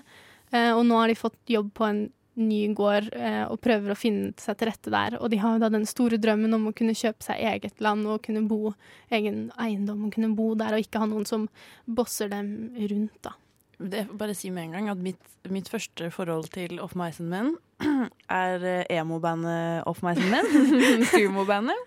Eh, og jeg føler at de tok meg videre til boka. Så det var jo en slags popkulturell referanse der også, da. Ja. Men eh, annet enn det så har jeg egentlig bare hørt navnet, men egentlig ikke så veldig mye om selve boka. Eller fil filmen heller. Mm. um, gjennom oppveksten, da. Mm, den er jo skrevet i 1937 av, um, av John Steinbeck, og handler jo da om de to guttene under depresjonen i USA. Og det er jo ikke jeg tror, Det var jo ikke så veldig mye awareness, i mangel på bedre ord, rundt eh, mentale lidelser og, og diagnoser. Og, og vi, ikke, vi lærer aldri sånn ordentlig, tror jeg, hvorfor de to reiser sammen, men, men eh, de er jo også to veldig forskjellige karakterer. Han eh, Lenny er jo stor og snill og grei og kjempesterk, mens eh, George er veldig sånn hardbarka, tøff type. Litt sånn bilde på den amerikanske mannen på eh, liksom rancheren på den tiden. Men så blir vi veldig godt kjent med hans liksom gode natur da, i hans samvær med Lenny, for han gir jo da så masse av seg selv for å ta vare på, på Lenny, da. Vi snakket jo litt om det tidligere, at ofte er jo sånne filmadopsjoner, nei, bokadopsjoner mm, veldig Oscar-bait. Eller i hvert fall filmer som lett blir nominert til ting, lett vinner masse priser. Denne kom i 1992, og den ble jo ikke nominert til noen ting, egentlig. Mm, og det syns jeg er veldig synd, for at eh, de gjør Det er den beste jeg har sett em, Gary Sinise, i hvert fall. eh, og en av de bedre til, til John Malkovich. Og han gjennom hele gjør en utrolig flott rolle. Og det er en veldig sånn jeg har lyst til å si pur film, for at den er veldig sånn lett trajectory. Det er ikke sånn helt vanlig Hollywood-ark med liksom store Med de tre bølgene og ting som skjer på midten, og sånn som skal liksom dra deg videre. Det liksom utvikler seg, og før jeg visste ordet av det, så hadde det gått en time, liksom. For at eh, jeg følte jeg fortsatt var helt i starten av filmen. Men du får komme liksom skikkelig på innsiden av, av spesielt egentlig George sitt um, indre i um, ja, så han føler seg jo ganske stuck og ensom da, i det å ta vare på, eh, på Lenny. Og så den drømmen de har, som på en måte på grunn av life, som de ikke klarer å oppnå. Og det er liksom Jeg syns den er veldig sånn pur, men så blir den veldig hardtslående til slutt likevel. Og det er jo Det er en scene i filmen hvor eh, han ene som Det er jo mange som jobber på gården, og mange av de bor sammen i en sånn bunkhouse, liksom. Um, og det er en scene hvor en av de gamle mennene som jobber der, har en hund som er veldig gammel, og så er det en av de andre som tvinger han til å ta livet av den hunden for å liksom la han slippe pine. Uh, som blir et veldig sånn frempek på noe som skjer senere. Og den er veldig, veldig sterk, men jeg kan ikke si så veldig mye mer uten å liksom spoile slutten. Men, eh, men du får virkelig sånn Den handler jo veldig om sånn um, samhold og vennskap og det å holde sammen i tøffe tider og det å ta vare på noen som trenger så mye Som alltid liksom Han gjør liksom alltid feil. Han gjør liksom alltid Han sier sånn George sier sånn 'ikke gå og snakk med henne', kona til han ene som eier gården. Kommer alltid Hun er også ensom, for alle, alle her på gården er veldig ensomme hele tiden. Og det er et av liksom hovedtemaene i boka, den her ensomheten med å bare være live av og til. Um, og hvordan man liksom alltid søker ut vennskap, men kanskje på de litt rare På rare vis. Uh, og hun eh, kona til han ene som eier gården, driver liksom og lusker opp med den huset hvor de jobber for hun vil ha samvær, liksom. Bare noen å snakke med hele tiden. Men han er jo supersjalu, ektemannen hennes.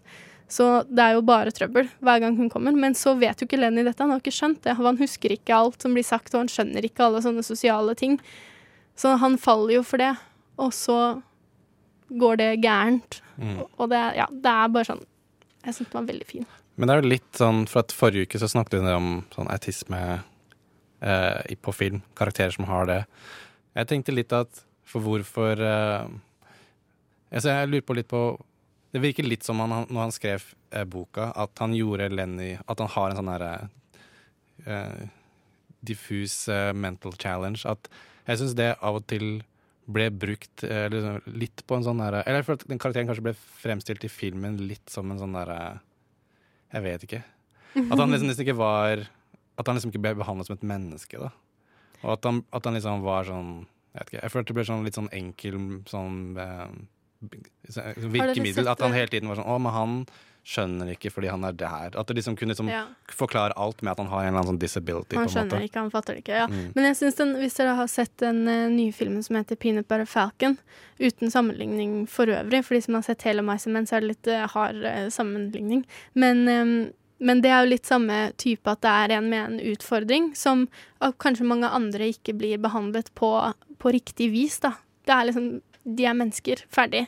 Men, ehm, men som da møter Tyler, som blir spilt av Shia LaBeouf, og han er litt samme type som George, veldig sånn butch-type, mørk, eh, indre livet er liksom ikke utenpå i det hele tatt. Men så finner de et sånn samvær likevel, hvor de på en måte blir avhengig av hverandre i altså den ene veien like stor grad som den andre. Og det syns jeg også kommer veldig godt fram i, i Of Mice and Men, at det, det går ikke bare den ene veien.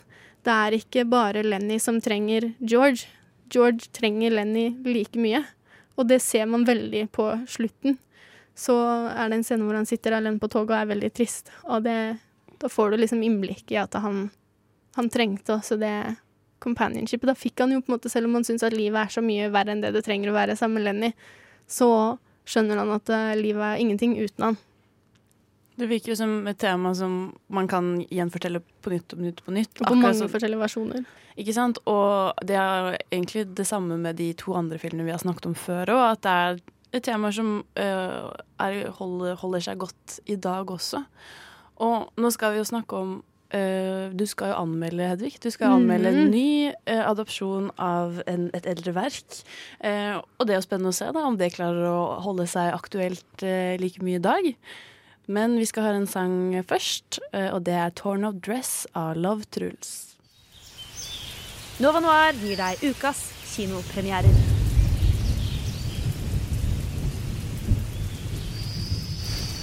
Da er det dags for eh, den første og eneste anmeldelsen eh, vi har her i dag, eh, Hedvig. Yes, jeg har- David Copperfield. Mm, jeg har vært og sett uh, The Personal History of David Copperfield, eller David Copperfields personlige historie.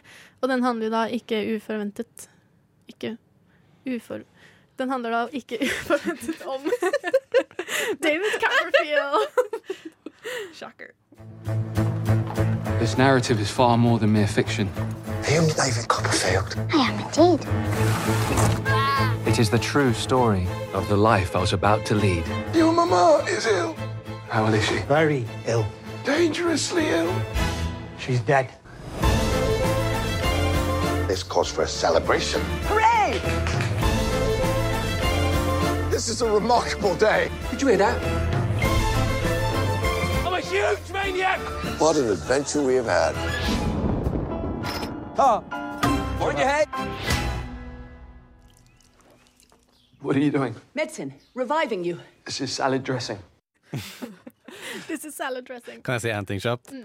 Hvis du ser eh, trailere på, for filmtrailere nå, som er en komedie, så er det alltid sånn masse musikk, la-la-la-la, og så blir det helt stille de siste fem sekundene, så er det noe annet. Det er sånn Alle komitrailere er sånn nå, og det begynner å bli mektig lei av. Og dette er eh, absolutt en eh, komedie, i større grad enn det der en periodedrama, eller hva, man, hva boka er. Det husker jeg ikke nå. Jeg har jo ikke lest boka, bare sånn disclaimer. Men, men uh, i filmen så møter vi jo David Copperfield som voksen, som står på en scene, og som tar oss tilbake gjennom å fortelle til publikum, så tar han oss tilbake til sin barndom og sin oppvekst, og han var en gutt full av fantasi og et liv fullt av spennende karakterer. Og han sier jo da at dette er historien om mitt liv, og karakterene som påvirket mitt liv. Og det er jo absolutt i stor grad det, det vi ser i denne filmen. Han eh, vokser jo opp i ganske sånn landlig sted. Flott godshus med en mor som er veldig kjærlig og morsom, og som veldig liberal. Lar han løpe fritt og gjøre som han vil, og skrive ned alt han husker, alle de morsomme setningene som folk sier. Alle folk han møter, får liksom sånne, sånne slagord som han skriver ned, som blir veldig morsomme. Um, men så plutselig en dag så blir han sendt på ferie med hushjelpen deres, Peggotty. Eh, og når han kommer tilbake derfra, så har moren giftet seg da med Murdstone, som er en høy, mørk fyr med mørke, mørke øyebryn, som er eh, veldig viktig hovedfeature i hans ansikt.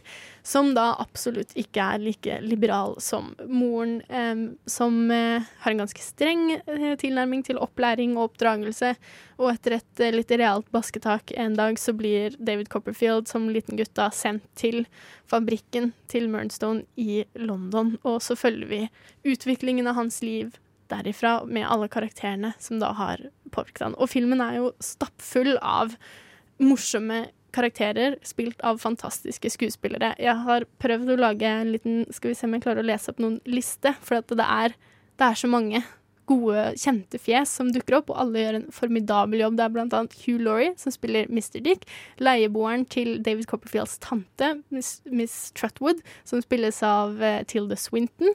Uh, vi møter også selvfølgelig Dev Patel, som spiller David Copperfield. Vi møter også Peter Capaldi, som spiller en fattigmann, uh, Mr. McCobb, Mr. McCobber, som eh, David Copperfield bor hos mens han jobber på fabrikken.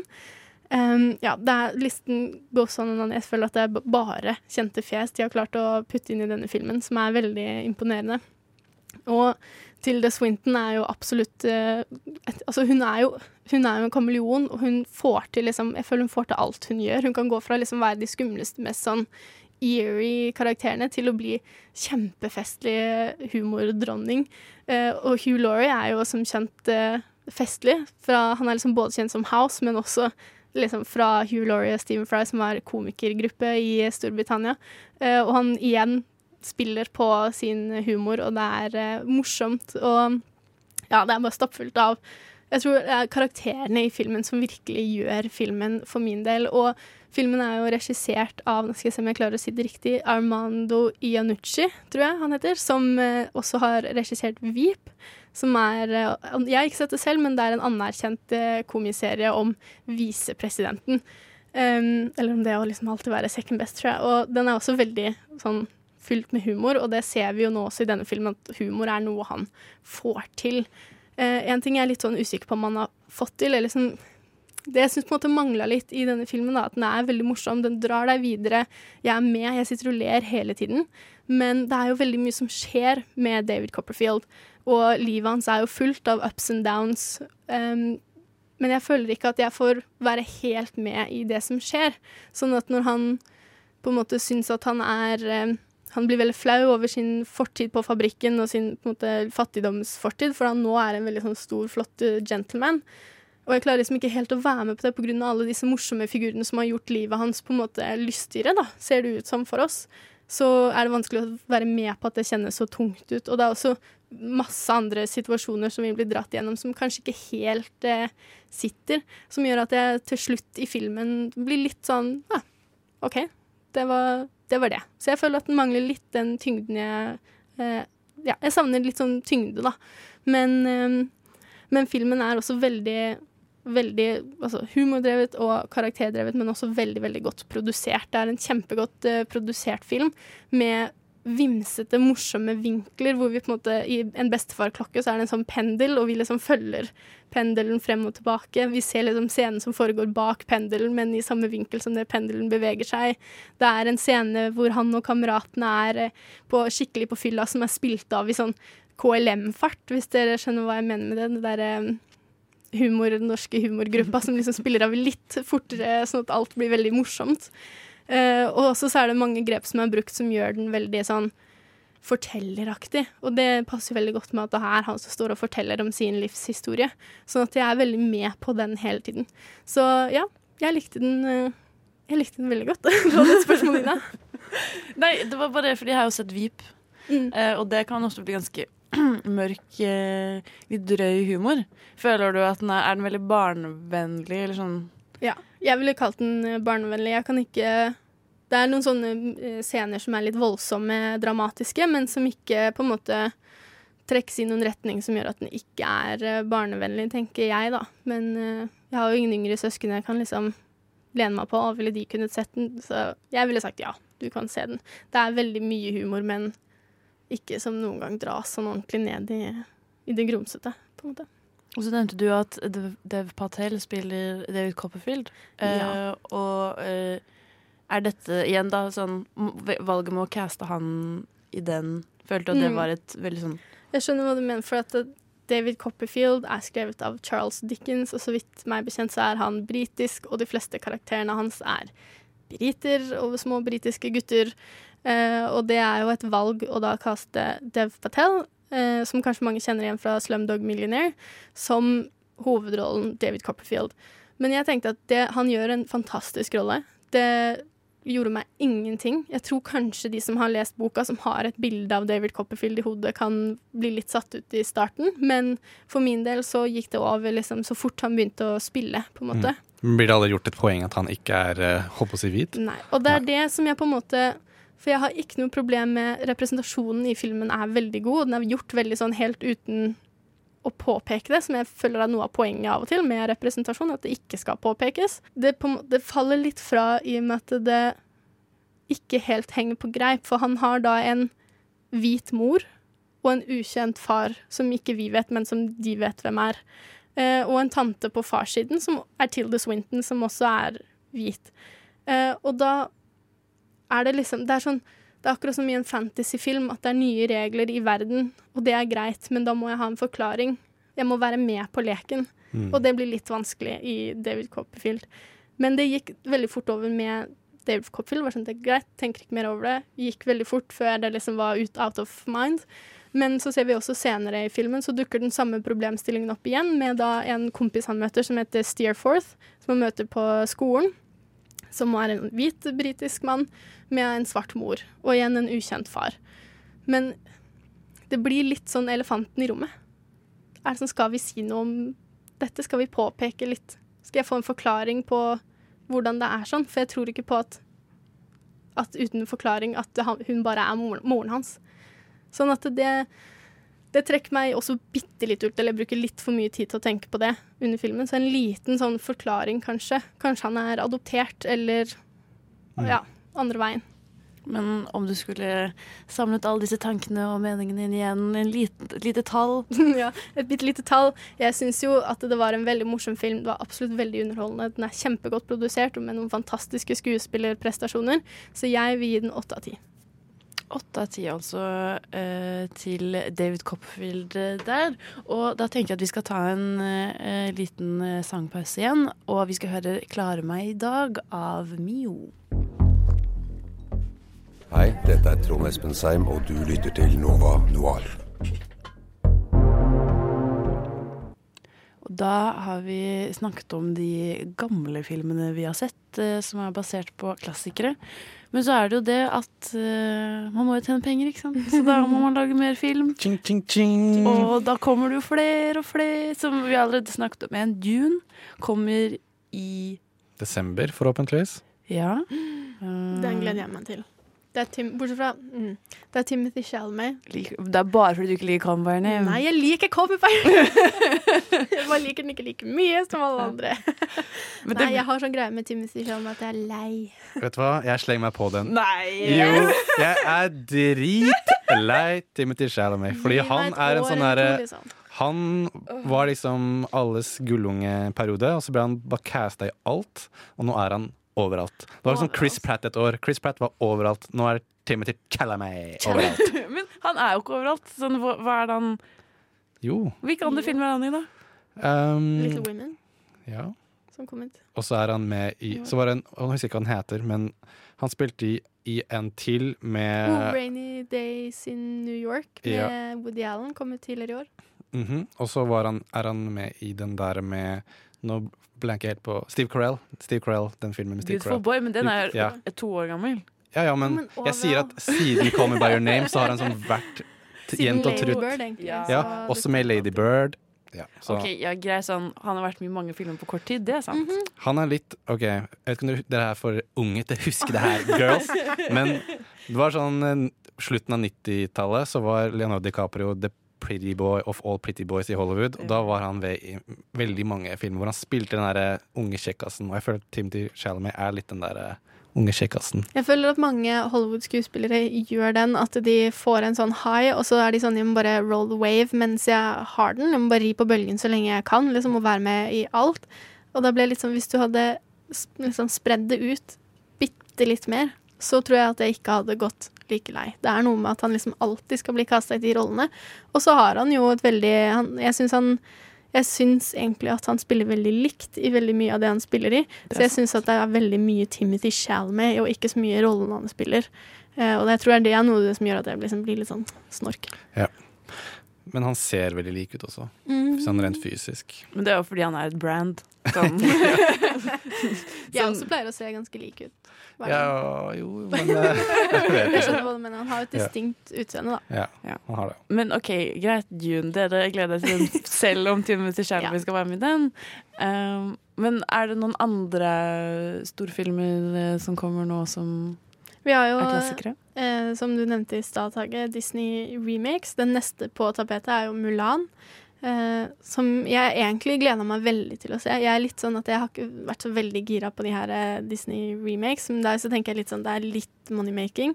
Eh, men jeg har gledet meg, bortsett fra at nå bare kom på Disney pluss. Men kan jeg bare stille litt kritisk spørsmål? Mulan er jo ikke basert på en bok. En gammel, klassisk Å, bok. unnskyld. Bare for å Ai, sorry. kommer du og My bad. I take it back. Ikke den. Jeg gleder meg ikke til Mulan. Men hva med, hva med heksene? Så den kom i 2021. Den er basert på en bok. Roald Dahl. Jeg husker uh, når jeg var kid, så pleide jeg ofte å vente på bussen i en eh, sånn eh, videobutikk hvor man leide filmer.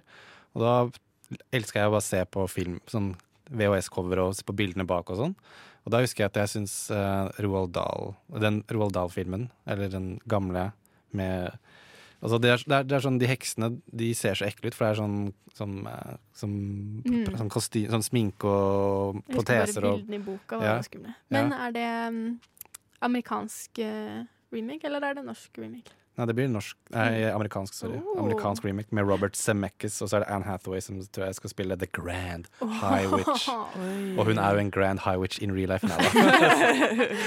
Men det husker jeg den Jeg har aldri turt å se den gamle, fordi den, den så så skummel ut. Og jeg, den boka så satte varig med den. Mm, eh, men, og jeg håper at Fordi det jeg ofte syns Disney, eller bare som generelt som barnefilmer ofte gjør, er at de gjør det veldig glatt. Eh, i gletter over. Ja, mens jeg føler barnefilmer var eklere før. Ja. Kanskje litt av at nå er det animasjon, da, så da blir det litt mykere. Men Ja, før så var det jo mye sånn faktisk ekte sånn sminke. Og så kanskje man er litt mer forsiktig med hva man viser til barn òg? Ja, det er sant. Ja. Eller er det bare en oppfatning jeg har? Nei, det er, det er sant, men jeg syns det er litt kjedelig, fordi at mm, Vet ikke, jeg. Selv om jeg ble litt sånn disturbed da jeg var kid, så har den liksom satt et sånt der det satt, Jeg ble veldig nysgjerrig, hvis du skjønner hva jeg mener? Mm. Jeg ble sånn oh, dette er skummelt, dette er skummelt, men jeg er Mm. også litt nysgjerrig og litt intrigued. Og så jeg føler at man kanskje har litt godt av å bli litt eh, skremt når man er kid. Alt skal ikke bare være sånn der eh, sugar-coated. Enig. Og så jeg så jo eh, 'Ringeren av Notre-Dame', da, for å gå tilbake til Disney. var, eh, er en av mine favoritt-Disney-filmer, og jeg så den masse da jeg var liten. Og så viste jeg til en venninne som så den for første gang, og hun syntes den var så weird og liksom sær. Og når jeg ser på det, så ser jeg at den er egentlig ganske sjuk. Han skal liksom Frollo skal liksom ta livet av Esmeralda, og det er en sånn scene med masse skumle munker med sånn svart hull i der under hetta. Så den er jo egentlig ganske sånn fryktinngytende, men det så jeg på det la jeg aldri merke til lenger da jeg var liten. Men det kommer jo også eh, 'Death on the Nile', Mhm. eh, som er basert på Agatha Christie-bøker. Og det var, det var den døden på Orient... Mordet på Orientekspressen kom Den- jo for, for noen år siden også, så det virker som det også er blitt eh, litt eh, Eller ser jo ut som de skal gjøre en liten greie av det, da. Remake noen av hennes bøker fremover, kanskje. Men jeg føler den er litt sånn typisk som David Copperfield-aktig. At det er bare et ekstremt sånn stjernelag som skal spille bare mange rare Karakterer. karakterer. Og så føler jeg kanskje det ligger ja, Nå så ikke jeg den forrige, da, men jeg føler, husker at den fikk litt kritikk nettopp for det. At det ikke var så mye dybde eller noe egentlig eget ved den. Den var bare Her er det kule skuespillere som leser gjør akkurat det samme som har blitt gjort tidligere, da. Det virker jo litt som det kanskje er en trend i filmer generelt, i hvert fall i sånne ensemblefilmer. Eh, at man bare stjernespekker de skikkelig. Og noen ganger så funker det sånn som i Knives Out, som heller ikke Så bra. Den er så bra, og der liksom passer det skikkelig med alle de stjernene. Og det jeg syns er gøy med den, er at de har dratt fra masse gamle stjerner som eh, liksom mamma kjenner inn. Å, det er jo han! Og jeg bare OK. Men, eh, og jeg tror det er liksom Ja, det samme eh, Ja, det blir litt ja, Mord på Orientekspressen var sånn jeg følte at alle skuespillerne var på en måte Det var greit at de var der. De gjorde en god rolle, men jeg er enig i at den mangla jo litt dybde. Den var litt sånn meh. Ja. Det er veldig viktig for min del da, at den er casta på en kul måte, sånn som Knives Out. Veldig sånn kul casta. Jeg synes, for da har jeg lyst til å se den nesten bare av den castingen. For det er sånn, oh, hvordan kommer han til å være sammen med henne, og så videre, og så videre. Enig. Mens uh, mordet på Orientekspressen, der syns jeg var litt sånn Var ikke så interessert egentlig. De hadde bare noe. samla de de fikk tak i, følte jeg, som Ja. var store nok navn. Mm. Og det kan jo, Nå har ikke jeg sett eh, noen trailer på mordet på Nilen, men eh, det kan hende det blir litt samme. Eller hva tenker du, Ina? Nei, jeg, jeg, det er det også jeg har fått litt følelsen av. Mm. Men jeg bare kom på sånn Ja, greit nok, vi vet hva som kommer, men hva er det vi gjerne skulle ønske at skulle Oh. komme ut? For det er jo Hva er liksom våre personlige favoritter? For å bringe litt tilbake til det jeg snakka om helt i starten av sendingen, at jeg leser The Stormlight Archives, og jeg er sånn Jeg har ikke kommet sånn kjempelangt. Men jeg vil jo ikke- egentlig heller ikke at de skal begynne å lage noe før bokserien er ferdig, som sikkert er sånn Mm. 15 år til. Men uh, når, når enn det holdt jeg på å si blir mulig, så ser jeg veldig frem til det. For jeg, her er det masse kule ting som kan bli gjort. Så jeg Mm. håper egentlig Tenk sånn Det som var synd med Game of Thrones, var at det, de tok igjen Når de gikk forbi bokserien, Mm. som er sånn the greatest sin of all. Hvis du ser på anime, de lager masse sånn filler seasons bare for at de ikke skal ta igjen mangaen. Men det, jo, det skjedde jo i Game of Thrones, og de, jeg synes det er ganske sånn anonym sånn, um, Alle er ganske enige at de siste sesongene, når de gikk forbi bøkene, var ganske bæsj. og det vil jeg ikke skal skje med The Stormite Archives, i hvert fall. Mm. For min del så tror jeg det er Jeg vet ikke om det, det finnes sikkert allerede filmer av de, fordi det er Hemingway, men eh, jeg er jo egentlig ganske sånn Hemingway-fan. Og har lest noen av bøkene, og jeg har veldig lyst på, som vi snakket om i sted, at det er liksom de der store følelsene og karakterene som gjør ofte de klassiske filmene, eller eh, innspillingen av de klassiske romanene til så gode filmer. Og jeg kan tenke meg at noen av de Hemingway-bøkene kunne skikkelig blitt gjort bra i dag, og det har jeg lyst til å Det hadde jeg godt sett. Det er så mye, føler jeg Mm. bare. Sånn, og også som man føler også kanskje blir litt glemt. Eller sånn, husker når vi Eller jeg prøvde å lese om bøker som har blitt eh, filmatisert, så fant jeg ut at sånn Catcher in the Rye har ikke blitt I det hele tatt. filmatisert, tror jeg. Jeg fant i hvert fall ingenting. Ja, den kunne jeg tenkt meg å se. Men har vi egentlig lyst til det? Fordi det er en veldig potensiøs. Det er sikkert Timothy Chalamet som hadde Det hadde vært. Timothy som Ja, hadde som fader. Men den kunne jeg godt ha sett, for at det er jo bare eh, liksom, vi, vi følger han rundt i livet og lærer om the hardships, liksom. Og det, jeg kunne egentlig gjerne sett en nyinnspilling av To Kill a Mockingbird. egentlig. Ja, Fordi den, den har vel bare én innspilling. Og det var vel sånn 60 Som 70-tallet. Gregory Peck spilte i og vant Oscar for. Ikke sant? Gjør en god rolle der. Jeg har sett, sett den. Det er egentlig veldig kult å se den filmatisert i dag. Og den hadde vært veldig aktuell å se i dag fordi den tar opp temaet rasisme. Og eh, jeg tror det er noen som liksom fikk, måtte lese den på ungdomsskolen for, eller på videregående, i, spesielt i USA og sånt, da, for mange år siden. Og liksom var sånn Hvorfor skal vi lære om Det er ingen som, forteller meg, det er ingen som trenger å fortelle meg at jeg ikke skal være rasist. Men eh, Jo, det, det, er mange som trenger å bli fortalt det det er mange som trenger det fortsatt, dessverre. Og det å ta opp de temaene igjen kunne vært veldig aktuelt i dag, da. Uff, det er så mye å velge mellom, eh, og jeg gleder meg veldig mye til høsten som kommer. Nå begynner endelig eh, kinoene å komme nye filmer, og det er mer å, å, å se på kinoene i hvert fall. Det er veldig deilig. Vi er straks eh, ferdig med dagens sending, men bare heng igjen litt, bitte litt til, bitte litt til. Så skal du få høre Squad av Han Galden. Og nå er vi straks eh, klare, egentlig, eh, til å si farvel. I dag har jeg da vært eh, Ina Sletten, og med meg i dag så har jeg hatt Tage Rivas Tollefsen. Og på teknikk Hedvig Bø. Ei, ei, ei, og vi har snakket om eh, bøk, ja, filmer da, basert på klassiske bøker. Og da er det altså Lord of the Flies, Of Mice and Men og Moby Dick. Eh, uansett ting du burde sjekke ut. Veldig relevante i dag fremdeles, og kommer sikkert til å bli gjenskapt i all evighet. Ja, vi kommer egentlig fram til at alle de filmene her er verdt å se hvis du ikke egentlig ikke har lyst til å lese bøkene.